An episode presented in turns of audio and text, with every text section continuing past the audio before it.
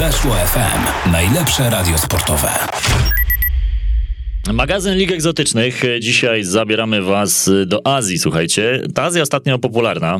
E, mieliśmy ostatnio odcinek o takiej piłce nożnej prowincjonalnej albo piłce nożnej amatorskiej w Chinach. E, zajawiliśmy trochę już też na temat tego, że e, ta liga chińska obecnie ma się źle. Myślę o tej najwyższej klasie rozgrywkowej. Natomiast dzisiaj troszeczkę mimo wszystko ją Wam przy, przyciągniemy, przy, przybliżymy może w ten sposób, bo w styczniu poznamy mistrza Chin. Sezon okrojony sezon mocno e, związany z zawirowaniami. O tym wszystkim sobie dzisiaj pogadamy. O każdym klubie dzisiaj powiemy kilka słów. Maciek Łoś jest moim gościem. Cześć Maćku. Cześć, witam. Piłkarskie państwo środka, a więc e, człowiek, e, jeden z niewielu, którzy naprawdę o chińskiej piłce w Polsce wiedzą bardzo dużo i zaraz tą wiedzą będzie się z nami dzielił. Maciek, my sobie mm, w ostatnim odcinku e, jakiś czas temu rozmawialiśmy o tym, że ta piłka nożna w Chinach przeżywa dużą zapaść. I żeby się nie powtarzać, to tylko przybliżmy, jakie są obecnie realia w lidze chińskiej. Mamy 16 drużyn, które po czterech miesiącach wznowiły rozgrywki. E, tak, no te, ta przerwa była spowodowana grom reprezentacji, były tam duże zawirowania, ale ogólnie federacja postanowiła, że e, poświęciła ligę dla, dla reprezentacji. No, okazała się to fiaskiem, bo kluby mają po prostu duże problemy finansowe. E, dodatkowo brak gry na pewno im nie pomógł. Wiele obcokrajowców wyjechało, bo po prostu nie chciało już grać, e, znaczy czekać nawet na, na wznowienie rozgrywek. Oni nie widzieli rodzin od wielu miesięcy, bo e, jest problem później z wjazdem do Chin i, i tego typu historie na pewno nie pomagają lidze, która straciła w swoim czasie naprawdę 90% zawodników z zagranicy takich, mhm. takich solidnych. No właśnie i to jest y, problem Ligi Chińskiej. To dzisiaj jakich mam, jakie mam największe gwiazdy, jeżeli chodzi o Ligę Chińską?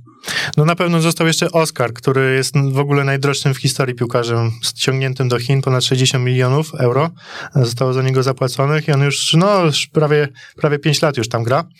E, on jest gwiazdą. Znalazł się w takim razie Oscar, nie? No tak, bo... zdecydowanie.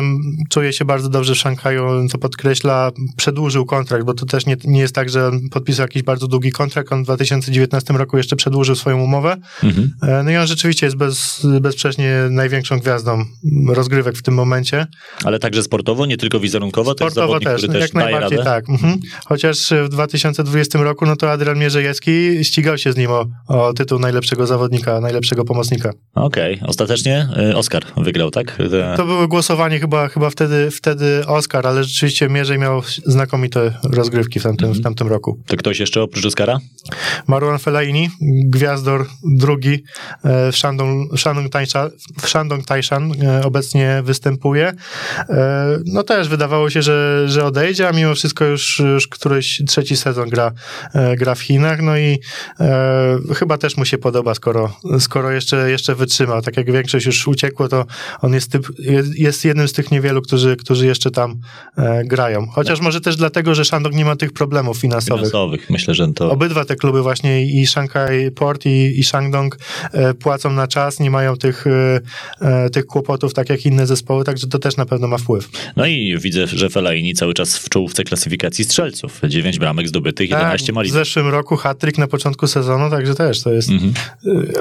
W Chinach jest tak, że jak masz wysokiego napastnika albo jakiegoś zawodnika, to oni bardzo często strzelają bramki z główek, z główki. To jest chyba, chyba taka liga, jakby to porównać z jakimiś innymi, to zdecydowanie najwięcej takich mhm. akcji w ten sposób przeprowadzonych. Mm, no właśnie, e, tutaj widzę kolejne nazwiska, też znane z Europy, choćby Cedric Bakambu, e, też silny przecież napastnik, kiedyś w Villarreal choćby dobrze, dobrze znany. Tak, tylko właśnie niestety Bakambu już w Chinach raczej nie zagra, znaczy raczej na pewno nie zagra w, e, w zespole z Pekinu, Beijing One, ponieważ jego kontrakt wraz z końcem roku wygasa. On już w Chinach nie jest od, od początku właśnie tej przerwy mhm. ligowej, ale ostatnio słyszałem właśnie plotki, że może trafić do tego nowego klubu CSL, do Wuhan Free Towns.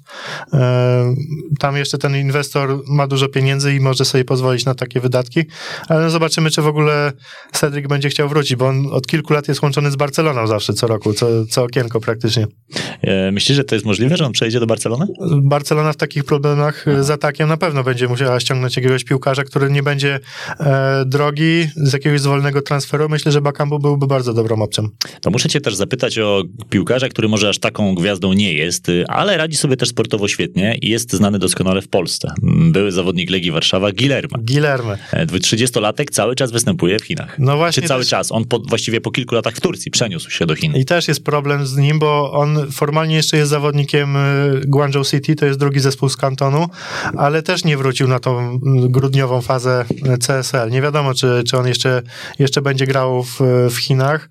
Być może będzie właśnie łakomym kąskiem do wyjęcia znowu w Europie. Może, może, może Legia z powrotem go, go ściągnie, zobaczymy. W każdym razie e, radził sobie tam całkiem nieźle. E, miał kilka, kilka dobrych, dobrych meczów, dobrych przebojów, ale, ale no mówię, no to jest jeden z tych piłkarzy, który nie, którzy nie wrócili do, do Chin w grudniu. Ale Gilermo jak już grał, to, to raczej wartość dodana. Mm, Zdecydowanie, to była jedna z gwiazd tego, tego zespołu. No to byłoby ciekawy powrót takiego zawodnika do Legii, chociaż nie wiem, czy w obecnej, w obecnej sytuacji klubu ze stolicy, czy Guilherme sam byłby tym e, zainteresowany.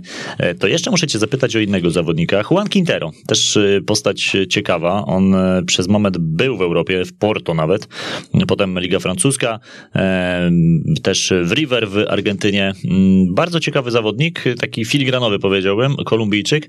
Jak on sobie radzi? To był chyba ostatni taki duży transfer w ogóle w chińskiej lidze, bo on e, Z River ściągany. z River ściąg- ściągany chyba 10 milionów euro Shenzhen za niego zapłaciło. On już był e, zaklepany kilka miesięcy wcześniej, przyszedł na początku tego sezonu. E, No i bez wątpienia jest gwiazdą swojego zespołu, który walczy o, e, o awans do Azjatyckiej Ligi Mistrzów, ale z kolei znowu Shenzhen ma teraz duże problemy przez właściciela. Właściciel e, Kajsa to też jest taki duży, duży deweloper, no ma też bardzo duże długi. Do, tego, do, do listopada w ogóle się o tym nie mówiło, nagle jakaś ta historia właśnie gruchnęła. Wszystko było dobrze w tym klubie, wszystko się działo e, prawidłowo, ale no nie wiadomo, jak to będzie dalej wyglądało. No ja mam nadzieję, że mimo wszystko jakoś się tam sytuacja ułoży, ale no nie wiem, czy nie będzie konieczna właśnie zmiana właściciela w tym, w tym zespole. E, Aikesen. Kto to jest? E, Bo nazwa, nazwisko takie nagle gruchnęło. Wcześniej znany pod innym nazwiskiem, a dzisiaj jest li- liderem klasyfikacji strzelców pod nazwiskiem Aikesen. Niby jest liderem klasyfikacji strzelców, ale no już w Chinach nie zagra. Mhm. Znaczy to jest reprezentant Chin w ogóle. No właśnie, pierwszy- Elkeson, Brazylijczyk, Dokładnie. naturalizowany. Pierwszy naturalizowany w historii reprezentant Chin. W 2019 roku zadebiutował. E, On przez długi czas grał najpierw w Guangzhou Evergrande, później w Shanghai SIPG. E, No i dostał, 5 lat siedział w Chinach, dostał obywatelstwo, ale z powodu tych problemów e, Evergrande e, praktycznie wszyscy naturalizowani zawodnicy, a tam było ich naprawdę sporo, Mhm. Opuścili kluby, bo po prostu też klub im nie płaci, nie, przyszłość ich, jest, ich- jest ich nieznana. E, Aikesen mm, niedawno wrócił do Brazylii i co prawda powiedział w wywiadzie, że cały czas jest Chińczykiem i jest gotowy do reprezentowania e, kraju. E, prawdopodobnie gdzieś wyląduje w jakimś brazylijskim klubie, ale nie będzie e, starał się o e, odzyskanie brazylijskiego paszportu, bo jeśli odzyska brazylijski paszport, to nie będzie mógł mieć już chińskiego, bo Chiny wymagają, że mo- Tylko jeden. tylko jeden paszport. No w takim wypadku no już nie mógłby nawet w reprezentacji występować. Także e, on w przeciwieństwie do Gao Late, to jest Ricardo Goulart, to też był właśnie jeden z tych naturalizowanych. On też już wrócił do Brazylii, już e, podpisał kontrakt z Palmeiras, ale on już właśnie wrócił też do bycia Brazylijczykiem. Czyli już mu się znudziła ta przygoda chińska. Trochę to smutne z jednej strony. E, To jest w ogóle bardzo smutne, biorąc pod uwagę to, że e, Chińczycy, chińskie kluby i fe, federacje wyłożyły ogromne pieniądze na, na ten proces naturalizacji, biorąc pod uwagę wszystkie pensje dla tych zawodników, dla jakieś e, inne kwestie pozasportowe, to wyszły tam naprawdę setki milionów e, juanów. No i teraz kwestia jest taka, ci piłkarze musieli mieszkać w Chinach przez 5 lat, a trafiali do Chin już jako 25-latkowie, 26-latkowie, bo Chińczycy nie sprowadzali piłkarzy Młodych. do oszlifowania, tylko już takich, którzy coś dawali. Mhm. Dlatego oni w momencie y, trafiania do reprezentacji Chin mieli powyżej 30, przy, powyżej 30. Większość z nich już ma powyżej 32-33 lat. No jak oni mogą stanowić jeszcze trzonę reprezentacji po tych eliminacjach do Kataru? To była akcja taka jednowymiarowa. To były tylko na eliminację do, do Mistrzostw Świata. No nie wyobrażam sobie, żeby Chiny w 2023 roku w swoim mm, w Pucharze Azji rozgrywanym u siebie korzystali jeszcze z takich zawodników. To mu, myślę, że musi przejść, nastąpić jakaś rewolucja w reprezentacji, e, no bo Gaulate na przykład miałby 35 lat, a Mhm. mhm. miałby 34, no to, a tam tych napastników było pięciu czy sześciu nawet tych Brazylijczyków, no to Mhm. jest, nie wyobrażam sobie, żeby e, Chiny miały tylko Uleja i oprócz tego 34-latków z Brazylii, żeby grali takim, takim składem na pucharze. No właśnie, a jak sobie radził e, El Kesson, jak już zadebiutował w reprezentacji Chin, bo kilka bramek zdobył. Tak, zdobył. Na pewno był wartością dodaną, e, ale no, ta reprezentacja nie miała jednak e, takiego poziomu, żeby móc walczyć z Australią, z Arabią Saudyjską, z Japonią. E, Mieli problemy z Omanem, z którym też zremisowali. Jedyne zwycięstwo do tej pory w tych eliminacjach było z Wietnamem. Także no jest, jest na pewno duży problem, mm, żeby nadążyć za tą azjatycką czołówką, która się cały czas rozwija. E, Jeżeli Chińczycy znowu będą musieli przeprowadzić kolejną rewolucję kadrową, a muszą to zrobić, bo ci Brazylijczycy już są po prostu zbyt starzy, no to przyjdzie y, czas kolejny, żeby tych młodych zawodników ogrywać, oni nie mają doświadczenia w kadrze, Mhm. No i, i tak, tak będzie to leciało, a inne kraje na pewno nie będą przez ten czas spały. No właśnie, więc ten chiński pomysł na futbol do końca dobry nie był e, i, i wydaje się, że tam trzeba jednak pewne rzeczy sobie uzmysłowić w Chinach, że w ten sposób się piłki nożnej nie zbuduje. E, Pogadajmy trochę o klubach, pogadajmy trochę o drużynach. Jaki dzisiaj jest najmocniejszy zespół, jaki dzisiaj jest główny kandydat do zdobycia mistrzostwa? E, No ja myślę, że Shandong Taishan już tego mistrzostwa nie, nie wypuści, bo ma już osiągnął taką kilkupunktową przewagę nad, nad ze- zespołem z Szanghaju. No i właśnie to jest ciekawe, że e, te dwa zespoły to są dwa zespoły, które nie mają problemów finansowych. Jestem w szoku, że to akurat one sobie dobrze radzą sportowo. Jak spojrzysz na tabelę, no to jeszcze w czubie jest to Guangzhou FC, czyli właśnie zespół, e, którego właścicielem jest Evergrande, Mhm. ale no e, do, do momentu, do przerwy na kadrę grali właśnie w niej większość tych e, naturalizowanych graczy, tam było pięciu czy sześciu nawet tych, tych zawodników, a teraz wszyscy, wszyscy wyjechali. E, Klub został bez, e, bez trenera, Fabio Cannavaro też opuścił drużynę, E, oni mają ogromne problemy, E, treningi prowadzi kapitan zespołu, ponieważ nie ma, nie ma nawet sztabu szkoleniowego, nawet jeden fizjoterapeuta został w zespole, także myślę, że na pewno w końcu odpadną z tej, z tej czołówki i, takie zespoły jak, e, jak Beijing One, może Shenzhen e, podskoczą, podskoczą wyżej i, i będą walczyć o tą azjatycką Ligę Mistrzów. Mhm. E, Co to w ogóle za klub jest? O Shangdong pytam, jakbyś mógł nam kilka mm, ciekawostek na jego temat powiedzieć. To jest jeden z takich historycznych klubów w Chinach. Historyczne dla mnie są kluby, które powstały przed procesem profesjonalizacji ligi w 92 roku. E, większość tych historycznych klubów powstało w latach 50., 60. To były na początku drużyny, e, no wiadomo, nie było, nie było tam sportu profesjonalnego. E, to były zespoły jakieś zakładowe, jakieś organizowane przez lokalne ministerstwa sportu. E, No ale Shandong właśnie to jest jeden z tych, z tych drużyn, która mm, do tej pory dotrwała jeszcze. Przeszła ten proces profesjonalizacji, wygrała kilka mistrzostw Chin. W ostatnim czasie też e, e, kilka finałów Pucharu, Pucharu Chin. To jest zespół, który zawsze mierzy się, jest wymieniany, wymieniany wśród mm, potencjalnych mistrzów, ale zawsze czegoś brakowało w ostatnich latach. Grali tam właśnie Fellaini, Graziano Pelle, było tam trochę tych, tych zawodników takich znanych z Europy, Wagner Love na przykład, ale zawsze czegoś brakowało w lidze, żeby, żeby móc, móc zdobyć mistrzostwo. Mhm. Okej. I w ogóle jest e, sama nazwa tego klubu, e, Taishan, e, to jest Góra Tai dosłownie. Góra Tai to jest właśnie jedna, jeden z największych, najważniejszych szczytów w prowincji, w prowincji Shantung. To jest święta góra dla buddyzmu i ogólnie święta góra dla Chin, bo tam chińscy cesarze tam byli jakby zaprzysiężeni, tam jakby Mhm. odbierali mandat niebios, że tam niebiosa powiedzmy Mhm. tą władzę im zsyłali. Nadawały. Mhm. I, I drużyna właśnie zawsze przed rozpoczęciem sezonu robi sobie pamiątkowe zdjęcie właśnie na tej górze. Okej, ładna historia. No tak sobie patrzę po kadrze tego klubu. E, Jeżeli chodzi o zagranicznych zawodników, e, no to tak jak wspomniałeś, Fellaini, jest też taki zawodnik z Portugalii, Pedro Delgado. On był kiedyś w Interze, no tam się specjalnie nie przebił jako nastolatek wówczas, więc, więc bardzo młody gracz. No i dzisiaj jest dosyć ważną chyba postacią tej drużyny. Pedro Delgado to jest w ogóle też y, obecnie ma chiński paszport, on ma jakieś chińskie korzenie, chociaż ta historia właśnie do końca, do końca jest, y, nie jest wyjaśniona, bo nigdy nie zostało potwierdzone, czy on rzeczywiście ma te chińskie, Chińskie korzenie. korzenie? On z jakiegoś powodu dostał to obywatelstwo. Mimo, że nie gra tam przecież e, od pięciu lat. E, Tak, tak. I właśnie i też nie jest uprawniony do gry w reprezentacji. Chyba FIFA mu nie, na, na to nie, nie udzieliła zgody. Mhm. Mm, On grał w młodzieżówkach portugalskich. tak, no i właśnie nie wiem, czy, czy to nie było powodem, dla którego y, nie mógł wtedy jeszcze... Aha. y, Czy teraz to by nie było, nie miało znaczenia. tak, ale No nie bo- wiem, czy to właśnie od tych młodszych zawodników to się zaczyna. On chyba się jakby nie, nie zaliczył. No nie wiem, w każdym razie nie, nie może grać w reprezentacji Chin, Okej. e, ale tak, no, no bez wątpienia jest to teraz jeden z tych zawodników, którzy mm, robią tam powiedzmy różnicę Mhm. z przodu. Jest to taki ofensywny zawodnik. No do tej pory było tam kilku takich y, ciekawszych zawodników, na przykład Roger Guedes, który odszedł do Corinthians, Mhm. e, teraz też tam jest jedną z gwiazd zespołu. E, A jak sobie ten Fellaini radzi? Już ustaliliśmy, że strzela gole, że ten wzrost jednak mu bardzo mocno pomaga, ale to jest taki gracz, który tylko stoi w polu karnym i czeka, no bo to też nie był typowy napastnik No nigdy. to nigdy nie był napastnik, to był raczej Właśnie. grać z środka pola, ale ze względu na swoje warunki fizyczne on potrafi strzelić hat-tricka w meczu w Chinach, także... Głową?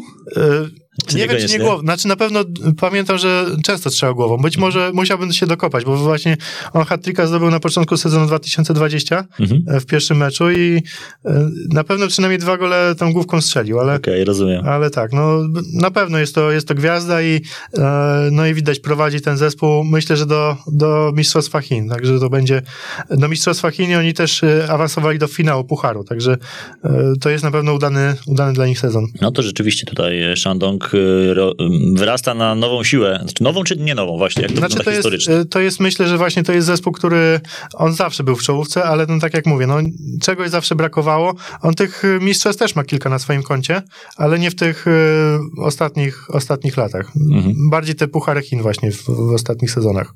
E, Shandong ma na razie przewagę w tej grupie mistrzowskiej, ale no tutaj jak tak spoglądam, to aż takiej wielkiej nie, no bo Guangzhou FC jest tuż za nimi. No jest tuż za nimi, ale mówię, to raczej, raczej ta drużyna na pewno odpadnie z tego wyścigu. Mhm. No to o Guangzhou pogadajmy trochę w takim razie jeszcze.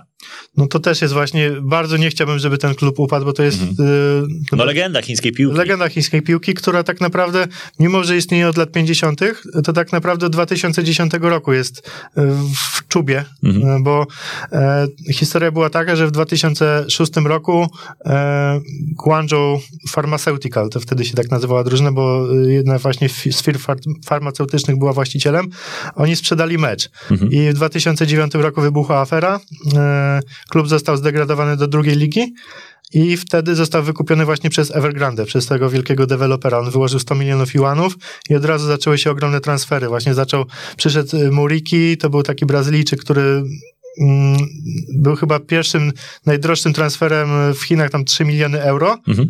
A później, za, kilka miesięcy później właśnie przyszedł ten Dario Conca, słynny. Mhm. Ten Argentyńczyk, który nigdy nie osiągnął jakiegoś wielkiego poziomu piłkarskiego, a mimo to był najlepiej opłacanym piłkarzem na świecie Tak. w tym momencie przejścia do, do Chin. On bardzo dobrze wspomina Chiny, zdobył tam mistrzostwa, e, mówi, że chciałby tam wrócić na przykład jako trener. No na razie o tym cicho, ale ogólnie E, ogólnie e, to był ten początek tego boomu. Właśnie to się zaczęło z klubem z kantonu. E, później e, nastąpiły kolejne transfery, właśnie Paulinho, Jackson Martinez, Robinho. Mhm. Przychodzili Marcelo Lippi, e, Luis Felipe Scolari. Oni wygrywali ligę, e, Azjatycką Ligę Mistrzów. E, Guangzhou było drugim chińskim klubem, który osiągnął ten sukces po zespole Liaoning, już nieistniejącym. Także obawiam się właśnie, że, Że Guangzhou może podzielić Tak. los. Ogólnie trzy z czterech największych klubów w Chinach już nie istnieją, z Wow. takich e, historycznych. To przypomnij nazwy. E, No to właśnie będzie Liaoning. Mhm. E, On upadł w 2019 roku. To były w latach 80. najlepsza drużyna przed, przed jeszcze profesjonalizacją z, problem, z powodu problemów finansowych. Zespół Dalian Wanda, który nie myli z tym Dalian Pro, e, Mhm. który też jest co prawda teraz właścicielem jest Wanda, ale to jest inna drużyna, bo Dalian Wanda upadło e, w, na początku 2000, e, lat 2000, e, a później Dalian Pro powstał, ale to już jest inny twór. No to oni mieli też dużo, dużo mistrzostw e, na, w latach 90. przede wszystkim. E, Andrzej Strelał z, z Shanghai Shenhua, on tam zawsze się mierzył z tym zespołem, to był jeden z najsilniejszych wtedy, wtedy zespołów w latach 90. Okej. E, też właśnie było różnych, e, wiele historii z, z tym związanych. No i e, no to tak, oni, oni upadli, oni chyba mają 7 czy 8 mistrzostw. E, Trzeci to zespół Armii Chińskiej Bai. Bai to po chińsku 1 sierpnia. 1 sierpnia 1927 roku założenie chińskiej Armii Ludowo-Wyzwoleńczej. Mhm. I to był zespół no, przez wiele lat y, najlepszy, bo po prostu mógł czerpać sobie e, wszyscy. E, No wiadomo, żołnierze jak, jak, jak przychodzili i mieli umiejętności piłkarskie wysokie, no to, Mhm. To od razu trafiali do do tego klubu. klubu. tak. Ale no przyszedł czas profesjonalizacji piłki w Chinach, no to ten klub e, zaczął już mieć swoje problemy, no i też po prostu jego istnienie było już e, bardzo utrudnione. Wszyscy inni mieli już y, sponsorów, mieli bogatych inwestorów, a jednak ten zespół jakby nie mógł tego, e, tego nadrobić. No i też w 2003 roku opuścił e, e, chińską mapę piłkarską. Oczywiście mam jego koszulkę, to Mhm. prawda replikę, e, e, ale, ale udało mi się kupić w tym roku. No ale to i tak szacun. No to znaczy w ogóle musicie wiedzieć, że macie koszulek ma całkiem sporo. Ile w twojej kolekcji koszulek jest obecnie? E, No, ogó- ogólnie około 700. Z 700 koszulek. To ja jestem przy tobie mały żuczek. Ja mam, ja mam połowę z tego. Chin mam około 30 w, w, tym, w tej chwili i też właśnie wszystkich tych klubów upadłych już mam. Aha. E, Mam nadzieję, że Guangzhou do nich nie dołączy, ale Ale masz na wszelki wypadek jak coś. Tak, Ku- tak, Zaopatrzyłeś się zawczasu, zanim w ogóle zniknął z mapy. dokładnie. E, no, 700 koszulek? Kurczę, to, wynik kosmiczny. Chyba go powiększyłeś w ostatnim czasie. Jak ostatnio gadaliśmy, to chyba nie miałeś 700 jeszcze. Tak, właśnie dzisiaj, dzisiaj mi przyszła na przykład koszulka z Hongkongu. Mhm. E, Dejan Damianowicz, no to największa gwiazda No tak, piłki. oczywiście. No to mam z autografem, z dedykacją, Jak, jak to załatwiłeś? a mam znajomą w Hongkongu, która też zbiera koszulki i chodzi na mecze właśnie, a tam na mecze piłkarskie w Hongkongu chodzi po tysiąc osób i ci piłkarze są po prostu blisko tych, tych ludzi, tam podpisują autografy, robią sobie zdjęcia. Mhm. Dejan na przykład po meczach to on Uberem wraca do domu, to przed stadionem też go można złapać, no i y, tak doszło do tego, że właśnie udało mi się tą koszulkę kupić, y, ona, y, ta koleżanka odebrała, Mhm. poszła na mecz, do, zdobyła podpis, no i teraz Mega szacun, super sprawa. Ja już, gdzie ty je mieścisz? Ja, ja, ja, mam, no ja mam ponad 300, ale nie wiem, gdzie już je chować. Już po prostu walają się wszędzie. Znaczy, jest, mam taki wielki kufer na nie wszystkie, no, to też jest problematyczne, no bo jak chcesz jakąś znaleźć koszulkę, to musisz wyrzucić wszystkie z tego kufra i to jest dosyć problem. No ja mam takie wieszaki, takie, takie sklepowe i po prostu Aha. tam sobie y, wieszam. No, A to no, oddzielny pokój masz chyba na to. no ja mam akurat, pokój mam dość spory, a, a że studiuję w Warszawie, a ten Mhm. pokój mam w, miejsc, w mieście moim rodzinnym, no to Okej. może tam sobie y, ta kolekcja sama przebywać, ja tam e, miejsca, miejsca nie potrzebuję więcej wtedy. Coś Tutaj jakbym miał do Warszawy przywieźć, to nie ma, nie ma, nie ma możliwości do, do tego mieszkania. Oddzielną kawalerkę, kawalerkę musiałbyś na same koszulki.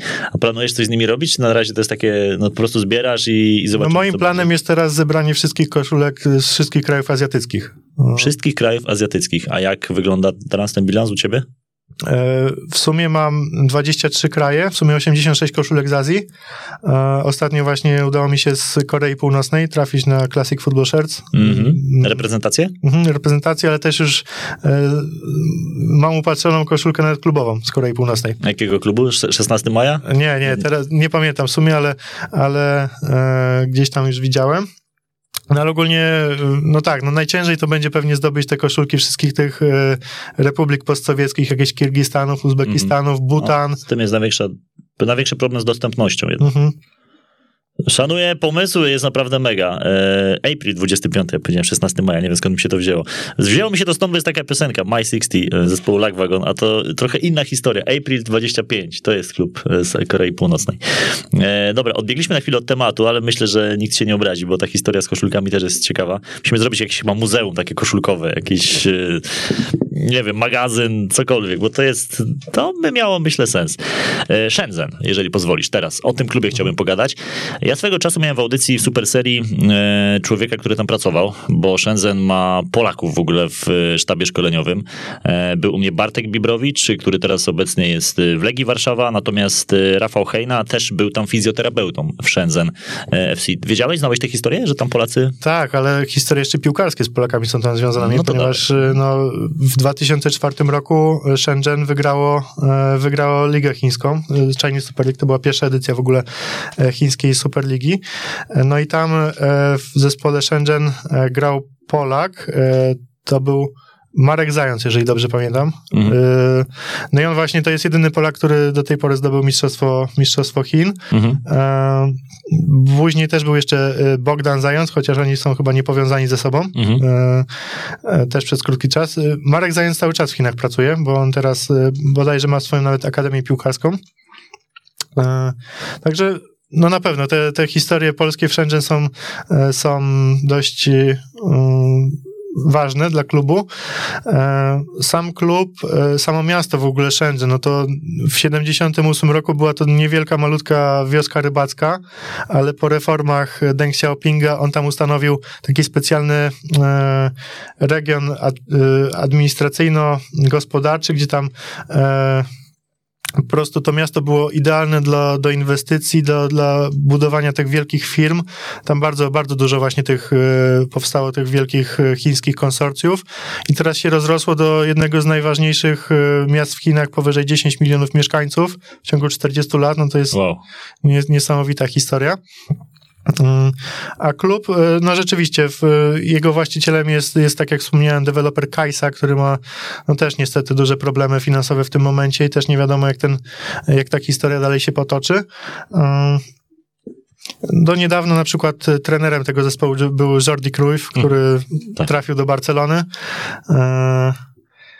Co jeszcze można, można powiedzieć? No tak, Juan Quintero jest na, na pewno tą, tą mhm. gwiazdą największą. Też w ostatnim czasie, e, w, na początku tego sezonu 2021 klub wykupywał te, te gwiazdy grające w innych klubach chińskich, e, z tych klubów mających wtedy problemy, na przykład Frank Achampong, e, z Tianjinu tam trafił Alan Kardec. Mhm. E, także zbudowali nawet ciekawą drużynę, która walczy o tę azjatycką Ligę Mistrzów. Wątpię, żeby, żeby udało mi się powalczyć o mistrza, ale na pewno pewno ACL jest w ich zasięgu. Jak wygląda w ogóle e, kwalifikowanie się do Ligi Mistrzów Azji z Ligi Chińskiej? No właśnie problem jest taki, że e, te dwa lata Chińczycy mieli bardzo stracone w ACL, ponieważ e, ze względu na te restrykcje krajowe e, i, i ligę, która, która grała w międzyczasie, no to piłkarze nie mogli, kluby nie mogły wysyłać po prostu piłkarzy e, całej, całej kadry na mecze azjatyckiej Ligi Mistrzów, żeby później e, nie móc grać w lidze, bo ci piłkarze przechodziliby długą kwarantannę. Hmm. To oni wysyłali rezerwy lub zespoły młodzieżowe, które dostawały oklep od każdej drużyny to jakichś Filipińczyków, hmm. przez co ten mm, spadli w rankingu lig e, w Chinach i e, w Azji. E, I teraz dwa kluby mm, awansują bezpośrednio i dwa grają w kwalifikacjach od przyszłego sezonu. Mm, dwa kluby grają w kwalifikacjach, tak? Mhm. W sumie cztery, cztery zespoły mogą chińskie Jasne. grać. Do tej pory były trzy i jeden w kwalifikacjach. Mhm. No, a Chińczycy na tle innych klubów w Azji, jak obecnie wyglądają, jeżeli chodzi o ich siłę? E, no mówię, no to jest, e, w sensie chodzi ci o kluby. Tak, o kluby, o kluby. No te dwa lata były stracone, no bo tak jak mówię, no to nie, nie można porównywać. Wszystkie inne zespoły wystawiały normalnie y, seniorskie jedenastki, a tutaj grali, grali młodzicy. E, no. A jak, zakładając, że będą grały już te pierwsze zespoły seniorskie, to jak to się... No po stracie tych gwiazd zagranicy będzie ciężko, to no bo powiedzmy przez te 10 lat y, tego boomu y, na te wielkie gwiazdy, no to tylko Guangzhou Evergrande zdobyło dwa razy Ligę Mistrzów, a y, żaden inny klub chiński nawet nie dotarł do, do finału, także no na pewno Liga straci dużo na tym i, i, i wykonała co najmniej trzy kroki wstecz w tym momencie, także to mhm. będzie na pewno ciężko rywalizować nawet w tej strefie z Japonią, z Koreou. Wyjście z grupy? Będzie sukces wtedy już? Na pewno, na pewno będzie sukces. Mhm. E, no to Guangzhou City, e, czwarty zespół e, po, po Shenzhen, możemy sobie... Tak, to jest, to jest zespół drugi właśnie z klubów kantońskich. Oni, e, to jest zespół, który też zmieniał lokalizację niezliczoną ilość razy. On grał w tylu prowincjach i, i miastach, że ciężko się połapać. Nawet Henryk Kasperczak prowadził kiedyś, mhm. kiedyś ten zespół. E, Marek Jóźwiak tam przez chwilę grał, jeszcze też było chyba dwóch bodajże Polaków. Mhm. No ale po, e, powiedzmy teraz zespół nazywa się Guangzhou City, właścicielem jest firma R&F e, i pod tą nazwą był do tej pory znany. To jest klub, gdzie ten Guillerme dopiero co występował. Guillerme występował, tak. Występował też Musa Dembele, ten e, pomocnik z Tottenhamu, ale chyba też już wrócił do, do Europy. W każdym razie na pewno nie gra, nie gra teraz w zespole. Do niedawna największą gwiazdą bezsprzecznie był Eran Zahavi. On wykręcał niesamowite liczby właśnie strzeleckie, ale problemem przez długi czas był brak e, brak obrony, bo oni nie mogli liczyć się w walce o nic, ponieważ mieli najgorszą obronę w lidze. Mhm. E, trenerzy, e, trener, który bodajże teraz jest selekcjonerem reprezentacji Serbii, e, właśnie trenował Guangzhou i nie potrafił, nie potrafił doprowadzić tej obrony do porządku. Później Gio van Bronhorst. Także no, prób, było wiele różnych, różnych sposobów próbowali, ale mimo wszystko ten, ten zespół miał bardzo dużą dysproporcję między atakiem i, obroną. Mhm. No, ale dzisiaj całkiem sobie nieźle radzą, patrząc tutaj już tych goli. Znaczy, tracą całkiem sporo, bo z czołówki to jest zdecydowanie najwięcej. Nawet sobie teraz patrzę, mają bilans bramkowy na zero, 21 strzelonych, 21 straconych. No właśnie, o tym mówię. No to jest cały czas, cały czas to samo, co, co było. Okej, okay, ale to taki ciekawy do Do tej pory strzelali więcej, bo był Zachawi. Nie ma Zachawiego, no to już się wyrównało. No ale to cały czas ciekawy do oglądania zespół. Dla takiego postronnego kibica to myślę, że, e, że Guangzhou e, City może być naprawdę interesującym zespołem. E, Changchun Yatai to jest klub, który dopiero co, to znaczy polski wątek był obecny. Tak, bo Adrian Mierzyjewski tam, tam występował, on tam trafił dlatego, bo klubowi nie udało się sprowadzić Andresa Iniesty, który mm. ostatecznie, bo już miał tam dogadany właśnie z Changchun, ale ostatecznie trafił do Wiesel Kobe japońskiego, no to e, Changchun potrzebował Iniesty? innego ofensywnego pomocnika, okay. przyszedł Mierzejewski, e, no i doprowadził do tego, że w zeszłym sezonie e, bardzo, a nie, przepraszam, bo to mówimy o Changchun Yatai. Tak, tak, Changchun Yatai. To, to, to, w takim razie pomyłka, to później o tym e, Chongqing. E, Changchun to był pierwszy klub Mierzejewskiego w Chinach, on tam trafił z Sydney. Mhm. Tak, e... potem, potem jak odchodził w mhm. takiej dosyć zwaśnionych, zwaśnionej atmosferze z Australii. Tak, i e, oni co prawda spadli w tym jego pierwszym sezonie, ale on został właśnie wtedy wykupiony przez Changchun, e, ten klub, e, o którym wspominałem. E, wrócili e, w tym przed tym sezonem wrócili do, do, do CSL i ich atak wygląda naprawdę bardzo solidnie, ponieważ ściągnęli juniora Negrao. On był najlepszym, najlepszym napastnikiem Ligi Koreańskiej w zeszłym sezonie sezonie zdobył Lig Azjatycką Ligę Mistrzów i był królem strzelców tych rozgrywek, także to był najlepszy napastnik w Azji mhm. i oni go ściągnęli właśnie do, do, no do Benia, Beniaminka CSL.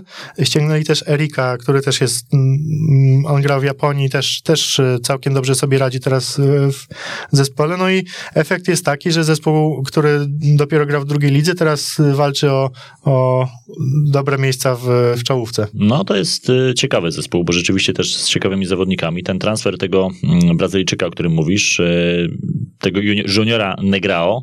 Tak sobie przeglądam, e, on dla Ulsan w poprzednim sezonie K-League 26 bramek w 27 meczach, dołożył do tego jeszcze 7 e, bramek w Azjatyckiej Lidze Mistrzów. No robi wrażenie.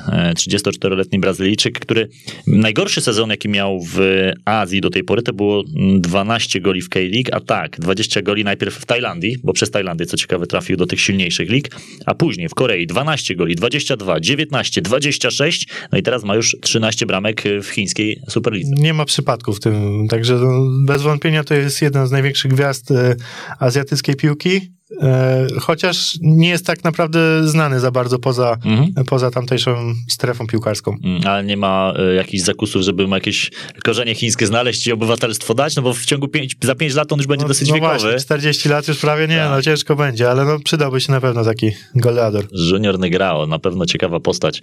E, widzę, że tu jeszcze nie jeden Brazylijczyk, bo jeszcze Brazylijczyk Serginio też występuje, też znany z choćby Kashimy, bo występował w J-League. Tak, no właśnie po tym, po tym jak z Chin zaczęli odchodzić gwiazdorzy właśnie ci znani z europejskich e, boisk, e, którzy już nie chcieli grać powiedzmy za mniej niż 3 miliony euro, e, no to chińskie kluby zaczęły ściągać piłkarzy z tych lig koreańskich, japońskich, które, no gwiazdorów tych lig, a to są ligi naprawdę silne, bo, bo, bo te drużyny często meldują się właśnie w finałach Azjatyckiej Ligi Mistrzów, czy je wygrywają, tak jak właśnie Junior Negrao z Ulsan. No i oni ściągają właśnie tych, tych Brazylijczyków, czy innych, innych graczy, no i, i w ten sposób ta liga jakoś jeszcze tam powiedzmy e, próbuje powstać z kolan, przynajmniej osłabić tą, tą hmm. ligę japońską czy koreańską. No tak, bo też z ligi japońskiej przyszedł inny Brazylijczyk, Erik e, w Yokohama F. Marinos, 13 bramek w poprzednim sezonie. 27-latka, e, więc jeszcze może, może gdzieś tam chiński paszport mu się znajdzie za jakiś czas. Nie, no raczej już podziękujemy za takie. No ja myślę, wiesz, ty byś chciał, żeby podziękowali, to byłoby dobre, jakby podziękowali, ale tak patrząc na te ruchy chińskich władz, to bałem się, że nie wiem, czy oni wyciągają wnioski z tego wszystkiego. E, Shanghai Port, jeżeli o tym klubie moglibyśmy sobie też dwa słowa zamienić, to jest drużyna, e, w której występuje, występował choćby, no występuje cały czas Oscar. Tak, bez wątpienia to jest ten, ten jedny, jeden z największych klubów, jeśli Guangzhou upadnie. Znaczy, w tym momencie powiedzmy Guangzhou jest już, jest już na dnie, no to mm. e, Shanghai Port jest bez wątpienia tym zespołem, mm, z, no jakbym powiedzieć, z największymi aspiracjami do bycia najlepszą chińską drużyną. E, Oscar teraz, a wcześniej Arnautowicz, Hulk, e, wielu innych znanych z Europy graczy, e, Ricardo Carvalho, też trenerzy tacy jak e, chyba był tam, nie, Sven Goran Eriksson był chyba w Shenzhen, ale tutaj był na pewno Andre Villas-Boas, e, e, Vitor Pereira, było tam trochę też takich znanych, znanych szkoleniowców. No i oni przerwali w 2018 roku hegemonię e, Guangzhou FC, bo oni tam zdobywali wiele mistrzostw Chin, siedem chyba z rzędu i wtedy Shanghai Port wszedł i, i odebrał to mistrzostwo na, na jeden sezon. Mhm. Patrząc sobie po kadrze e, Szanghaju, tutaj też ciekawi zawodnicy, zawodnicy. Musi być oczywiście Brazylijczyk, jest y, od razu Ricardo Lopez, y, też były zawodnik Ligi Koreańskiej, w której też radził sobie bardzo dobrze, po praktycznie co sezon kilkanaście goli zdobywanych przez tego piłkarza. W tych rozgrywkach również cztery trafienia. Szkoleniowcem Iwan Leko, a więc y, też człowiek znany z reprezentacji Chorwacji choćby, bo przecież też występował Leko. Jeszcze ja go pamiętam z... No dobra, nie będę ściemniał, bo muszę sprawdzić, ale wiem, że... O, Malaga, w Hiszpanii przecież grał też. Tak, tak, na pewno. Mhm. Kojarzyłem, kojarzyłem nazwisko. Hajduk Split Malaga, e, Club Bruges, Lokeren. No i właśnie też kilkanaście meczów dla reprezentacji e, Chorwacji. No i teraz e, wziął się za trenerkę. Widzę, że tutaj przez Azję chce się dostać do, do, do wyższych, albo zarobić po prostu dobre pieniądze, albo wejść na wyższy poziom, bo wcześniej występował, w, był trenerem w Al Ain w Zjednoczonych Emiratach, potem Antwerpia w Belgii, no ale potem powrót właśnie do Chin. Iwana Leko. Ciekawy klub, na pewno na niego warto zwrócić uwagę, bo tak jak słyszycie, to może być potentant y, w Chinach, a czy to może być potentant także na skalę y, całego kontynentu? No myślę, że, że tak. Jeżeli e, te problemy finansowe mm, jakby e, będą omijać klub, bo klub jest własnością największego portu na świecie, e, Shanghai mm -hmm. Port.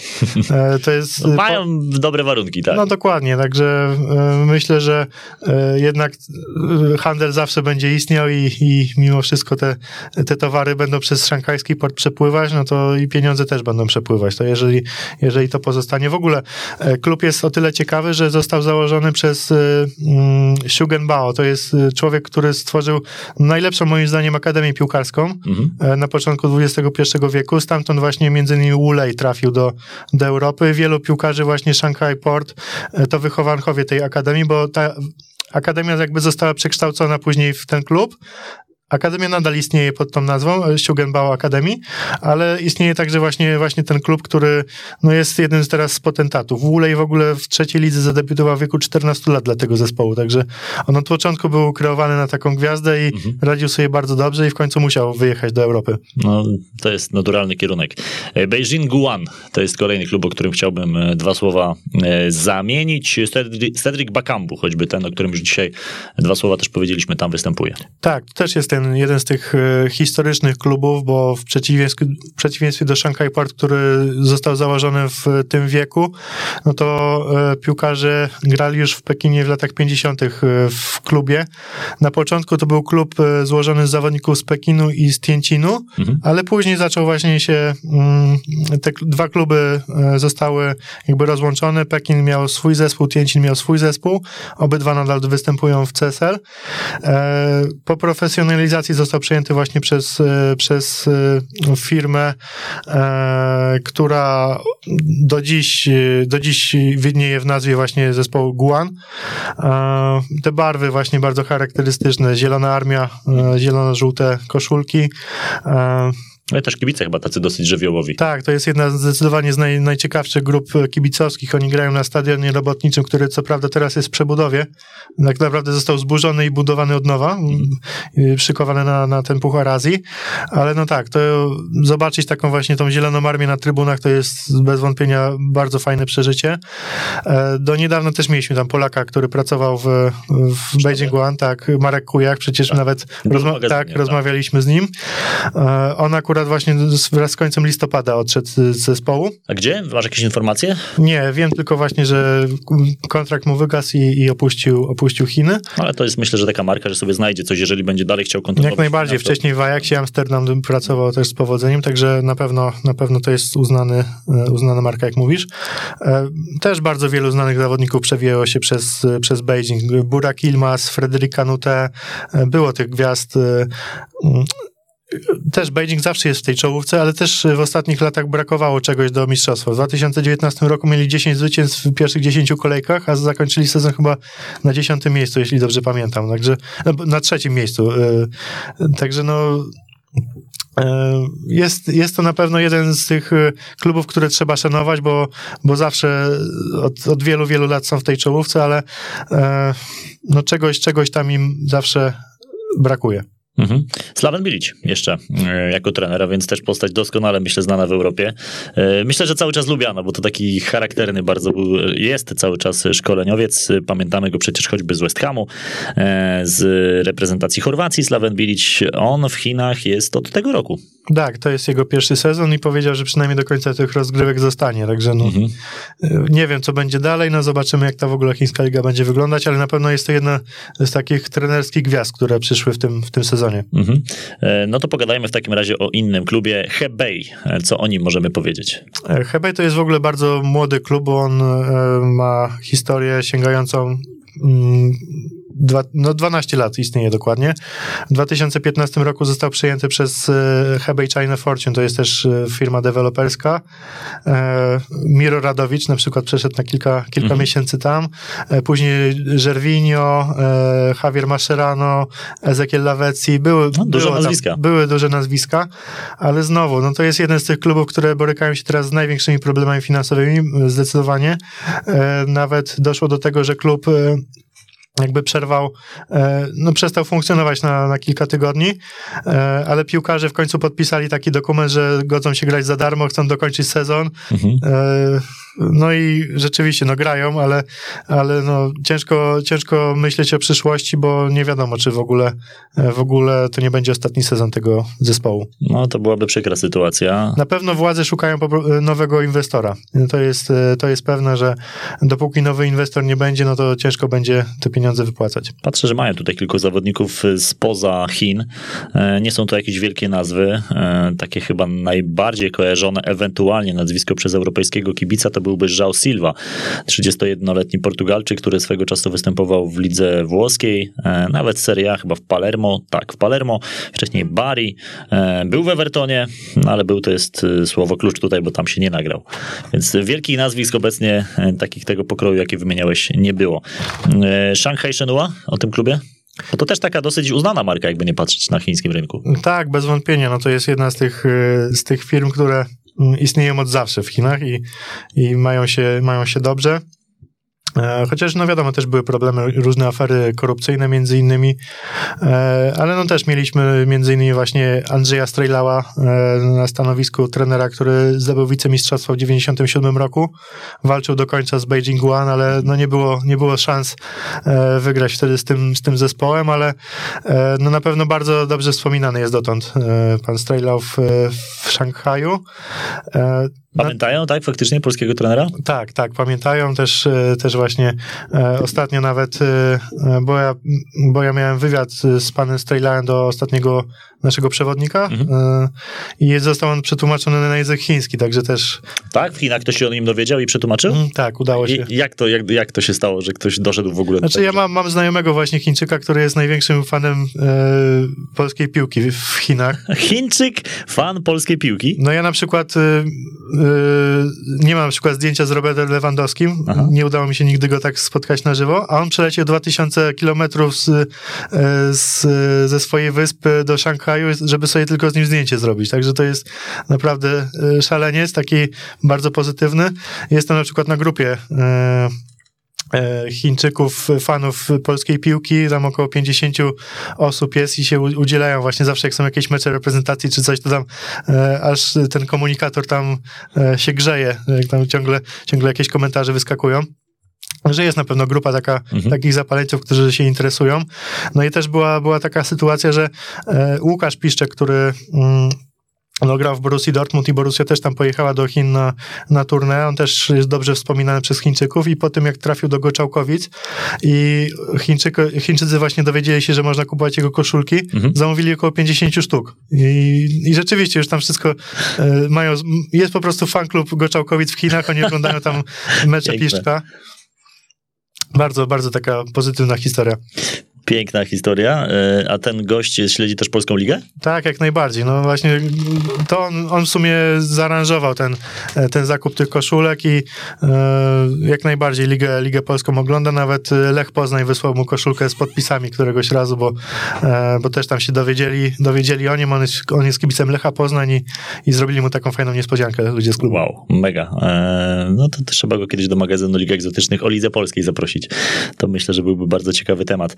E, I jeszcze chciałbym, żebyśmy trochę tych klubów przerobili. O Shanghai Shenhua jeszcze jesteśmy w stanie coś powiedzieć? Jakieś duże nazwiska, które się tam no, przewinęły? jak najbardziej, jak najbardziej. Ten początek tego boomu e, w tym klubie to rok 2012 Nikola Anelka i Didier Drogba no przeszli do tego zespołu, no to było tam bardzo duże wydarzenie. E, ja pamiętam, no jak to były początki, kiedy się zacząłem interesować tą chińską piłką, też ze względu na te nazwiska właśnie, bo to było takie, takie wyjątkowe, ale później, później też problemy finansowe finansowe tego, tego właściciela, niewypłacalność pensji. E, klub został przejęty przez e, firmę Greenland i do tej pory jest, jest jej właścicielem. E, przez długi czas największą tak jakby idolem kibiców był Giovanni Moreno, Kolumbijczyk, który tam chyba 5-6 lat grał. Nie wiem, czy nawet nie jest rekordzistą pod względem występów e, przez obcokrajowca w chińskiej lidze, mhm. ale no niestety jego kontrakt wygasł w tym roku, on zdecydował się wrócić do, do Kolumbii.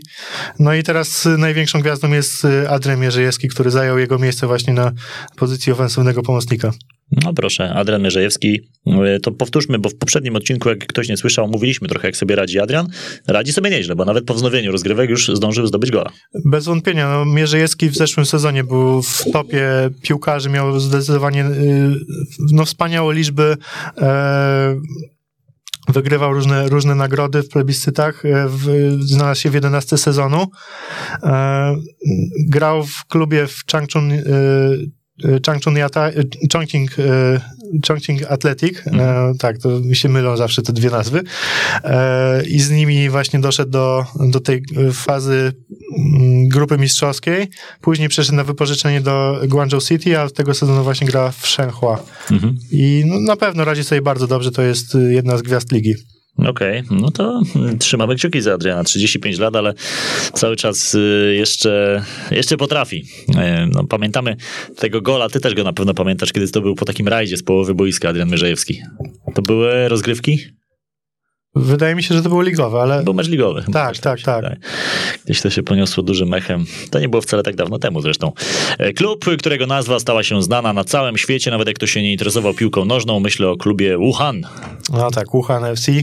E, no to zespół e, też mający dość krótką, krótką historię awansowali do, do ligi chyba 3 czy 4 lata temu. Trenerem był Li Tie, czyli był już selekcjoner reprezentacji Chin, bo został zamieniony przez Li Xiaopenga, który do tej pory właśnie trenował Wuhan, także to jest, to jest też dużo zbieżności, bo obaj grali w reprezentacji Chin w jednym czasie, obaj właśnie e, takie podobne sukcesy trenerskie odnosili e, no i teraz Li Xiaopeng zastąpił Li Tie. No jeszcze bez sukcesów zespół, bo e, w zeszłym roku to w ogóle walczyło e, o utrzymanie bardzo, bardzo zawzięcie, musieli grać w barażach. Mhm. E, kiedy wybuchła, wybuchła pandemia, no to rzeczywiście oni byli w Hiszpanii na, na zgrupowaniu i mieli tam dużo problemów na początku, no bo mimo tego, że oni dawno do miasta opuścili i byli już w Europie już przed początkiem pandemii, e, no to na przykład kluby zaczęły rezygnować ze sparingów z nimi, bo się byli po prostu samej tej nazwy. O jest. No ale ale piłka Wuhan bardzo szybko się odrodziła, e, mimo tego, że no wiadomo, nie ma e, te rozgrywki piłkarskie, e, CSL gra w, tych bańkach, że grają w zupełnie innych miastach i to ciągle powstają nowe, nowe boiska, jest tam ta kultura piłkarska się rozwija, no i właśnie Wuhan będzie miał w tym sezonie, od nowego sezonu dwa, dwa kluby, także mhm. będą, będą derby Wuhan, też drugi właśnie Ale taki. w najwyższej klasie? Tak. Mhm. Okay. No to właśnie Derby Uchan brzmi dobrze. ciekawie na pewno. Mhm. E, No ale tam już y, pod względem właśnie tego koronawirusa, jak ta sytuacja, śledzisz to, jak to wygląda? No bo to... Ogólnie Chińczycy są bardzo, bardzo na tym punkcie ostrożni. Jakiekolwiek y, 5-6 przypadków wystarczy, żeby nawet całe miasto przeszło na kwarantannę. E, Ciężko opuszczać właśnie, właśnie miasta, bo e, wszystko jest jakby kontrolowane. Teraz ten Omikron też doszedł do, dotarł do Chin, też y, Polak go przywiózł na pokładzie samolotu, to też tam Cóż zrobić? różne komentarze na ten temat. Mhm. E, No ale tak, no. e, Teraz zbliżają się zimowe Igrzyska Olimpijskie, na których też zabraknie kibiców z zagranicy. Mhm. Nie wiadomo jeszcze, jak to będzie wyglądało, czy, czy lokalni fani będą mogli, mogli oglądać te e, zmagania. No na pewno e, meczów piłkarskich na stadionach nie mogą jeszcze oglądać. Mhm. A właśnie, zapowiada się w ogóle na to, że kibice w Chinach zostaną wpuszczeni w końcu na stadiony, że mecze nie będą rozgrywane w bańkach? Znaczy, był taki plan na początku tego sezonu, że zaczynamy sezon w bańkach. E, tam 10 kolejek, później 10 kolejek już w miastach e, tych, tych właściwych klubów, ale no niestety jakieś tam lokalne, lokalne e, e, epidemie zaczęły się znowu pojawiać, jakieś, jakieś przypadki, no i te, te plany poszły, e, poszły do lamusa. E, no a teraz też e, niby gramy w bańkach, a kibiców nie ma, chociaż w 2020 roku już nawet 30 tysięcy fanów przychodziło na stadiony, bo były takie, Mhm. takie mecze, ale no w każdym razie e, i tak ci kibice lokalni nie mogą, nie mogą nawet oglądać tych drużyn u siebie, nawet jakby, e, jakby grali w bańkach, no bo, e, no bo po prostu te zespoły są odcięte zupełnie od, od tych lokalnych społeczności. No i to jest smutne trochę. No i rzeczywiście, mm, to, to też na pewno wstrzymuje w jakiś sposób, w mocny sposób rozwój tej piłki nożnej w Chinach. Rozmawialiśmy o, sobie o tym, że to zainteresowanie wcale nie, nie, no nie wzrosło aż tak mocno, jakby sobie na pewno życzyli tego Chińczycy, e, przeprowadzając to, nazwijmy to, recho, rewolucję. Jest jakiś ulubiony klub, o którym, e, który ty masz w Chinach, o którym jeszcze nie powiedzieliśmy, a którym powinniśmy? Znaczy ja na pewno dobrze wspominam e, Changzhou, e, Changzhou Mighty Lions, to jest zespół, który do niedawno się nazywa w ogóle, też bardzo trudno do wymówienia nazwa Shijiazhuang. Shijiazhuang, okej. Tak. E, Ono, To jest miasto, tak? Z którego on pochodzi. Mhm, tak, e, właśnie został przeniesiony teraz e, ten zespół, bo bo też były jakieś tam problemy finansowe. E, Oni awansowali do, do CSL w 2020 roku. E, I to był trochę taki, taki chiński Radomiak. Też tam zaczęli bardzo, bardzo fajnie sezon. E, Też e, tak jak Leandro w Radomiaku, tak Muriki i był tam największą gwiazdą Brazylijczyk. Też, też taki już po, Ale już- spokojnie po 30. Ale już mocno zakorzeniony w Chinach ten brat. Tak, tak, zdecydowanie. No i fajnie to się oglądało. Ta, ta drużyna na początku walczyła, walczyła z, z silnymi zespołami, ale w końcu z sił opadła na koniec sezonu no i spadła, Mhm. ale przez to, że zespół Jiangsu Suning został zlikwidowany, to oni się utrzymali w tej lidze, bo, bo po prostu trzeba było wypełnić tą lukę. Mhm.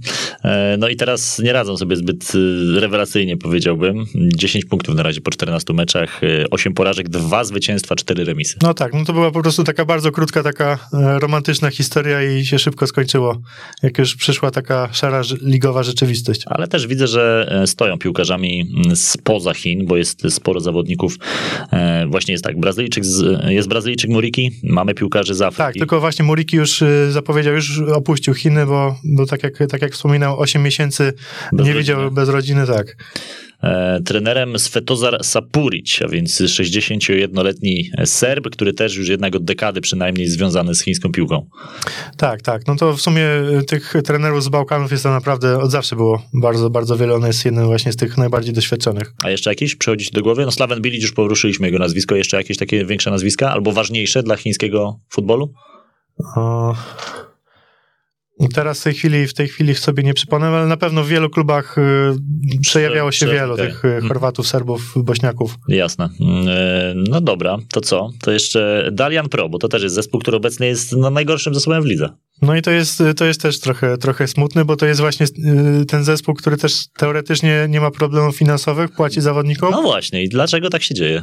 Mhm. że są tak słabi? No bo mówiłeś o tym, że trzy kluby obecnie płacą, e, dwa z nich są na czele tabeli, no a ten jeden, który płaci jest na, na, do, na samym dole. No dokładnie. E, No jeszcze niedawno przecież Rafa Benitez był trenerem tego zespołu, grali Hamsik, Carrasco. Mhm. E, Było tam, był tam duży potencjał, oni ściągali też dużo młodych Chińczyków, takich do, e, z potencjałem, ale no gdzieś, gdzieś to nie wyszło, skoro ta drużyna wylądowała na dnie, ale e, właściciel tego, tego zespołu Wanda, który e, no po tych wielkich transferach właśnie Carrasco czy Hamsika, e, czy Rondona, Salomona Rondona, e, przestał jakby finansować e, klub w takim, e, w takim stopniu jak wcześniej i tych pieniędzy było zdecydowanie mniej, choć przynajmniej jest teraz stabilność, no to jest Mhm. jedyny plus tego, Finansowa, no bo Finansowa. sportowa tak Mhm. średnio to no to wygląda. na pewno. Jak wygląda teraz system rozgrywkowy? Jak wyglądają spadki i awanse?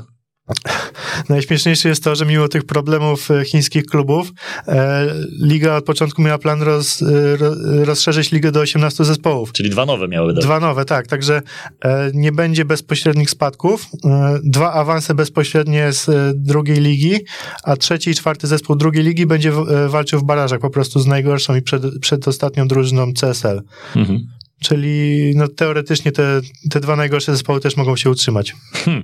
No to a duże są dyspo, dysproporcje pomiędzy tą najwyższą klasą rozgrywkową a drugą ligą zaplecza? Często jest właśnie tak, że te drużyny wchodzące z drugiej ligi mają bardzo dobry właśnie pierwszy sezon, czy e, tak jak Wuhan właśnie w pierwszym sezonie swoim, czy, czy to Changzhou też, e, też na początku było, było całkiem niezłe. No, e, mówiliśmy właśnie o tym zespole Changchun Yatai, który ściągnął tego juniora Negrao, no to jest też w grupie mistrzowskiej, także, ale to też zależy od tego, bo te kluby często po prostu zyskują jakichś nowych inwestorów, którzy mają te pieniądze i nagle y, inwestują i te kluby idą do przodu, bo po prostu mają zdecydowanie lepszych zawodników niż do tej pory i, Mhm. e, no i to tak wychodzi. I te kluby mają na przykład 5-6 lat historii i wchodzą do tej ligi z drzwiami. Mhm. Były już takie historie, no tak Hebei na przykład właśnie, czy, e, czy Tianjin, Chuanjian, gdzie najpierw Aleksandre Pato został ściągnięty, Axel Witzel, Mhm. Cannavaro jako trener, no i klubu już nie ma od dwóch lat, bo, bo afera wielka e, korupcyjna, e, znaczy nie, tam nie korupcyjna, tylko jakieś, jakieś machloeki finansowe były, w każdym razie e, właściciel został zatrzymany, aresztowany i klubu też już, już nie ma. Przykre to wszystko. E, Tak generalnie myślę, że ta nasza e, już kilkugodzinna rozmowa o piłce chińskiej, no trochę taką smutną konkluzję ma, nie? że ten futbol w Chinach, mimo w teorii wielkiego potencjału ludzkiego i, i finansowego zresztą też, no nie może cały czas ruszyć z kopyta. No, pamiętamy kiedyś ten plan, jak Chińczycy wyobrazili sobie, że w ciągu 100 lat, 50 będą mistrzami świata? 2049 to jest e, setna rocznica powstania HRL, dlatego No, i do, wtedy- tego, do tego czasu już musi być Mistrzostwo Świata. 2049.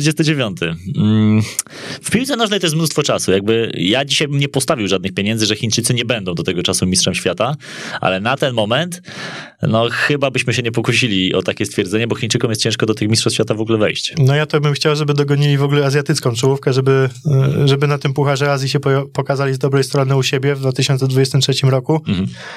No ale no nie wygląda to kolorowo, bo ta drużyna też jest reprezentacja w zupełnej przebudowie i, i, i tak naprawdę nie wiadomo, co z tego wyjdzie. Mm, A kto dzisiaj w reprezentacji Chin jest taką najważniejszą postacią? Ktoś Ulej be, bez, bez, bez wątpienia Ulej to jest Mhm. największa gwiazda, jedyny Chińczyk grający e, w topowych ligach europejskich, chociaż on najczęściej w tym Espaniolu to wchodzi na końcówki meczów, ale no mimo wszystko jest, jest tym zawodnikiem najlepszym.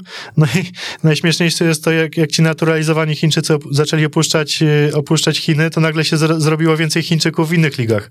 Okej. Mimo, że to są Brazylijczycy, ale jednak z chińskim No tak, paszportem. w teorii rzeczy, rzeczywiście. Chiń, tak. Chiński futbol. E, chiński futbol, no, no nie ma się dobrze, jak słyszycie. No ja trzymam kciuki jednak za to, żeby Chińczycy e, zaczęli doszusowywać choćby do tej czołówki azjatyckiej, no bo potencjał olbrzymi. I co by nie mówić, tutaj naprawdę się jeszcze może dużo dobrego e, wydarzyć. Maćku, no bardzo ci dziękuję, e, bo, bo miło, miło zawsze z tobą pogadać o chińskiej piłce.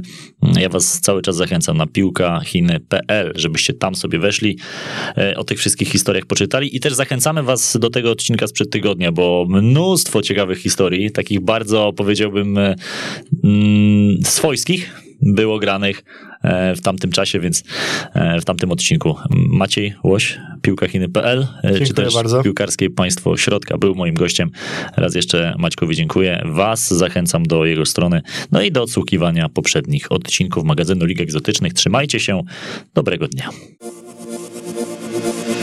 Słuchaj nas na weszło.fm.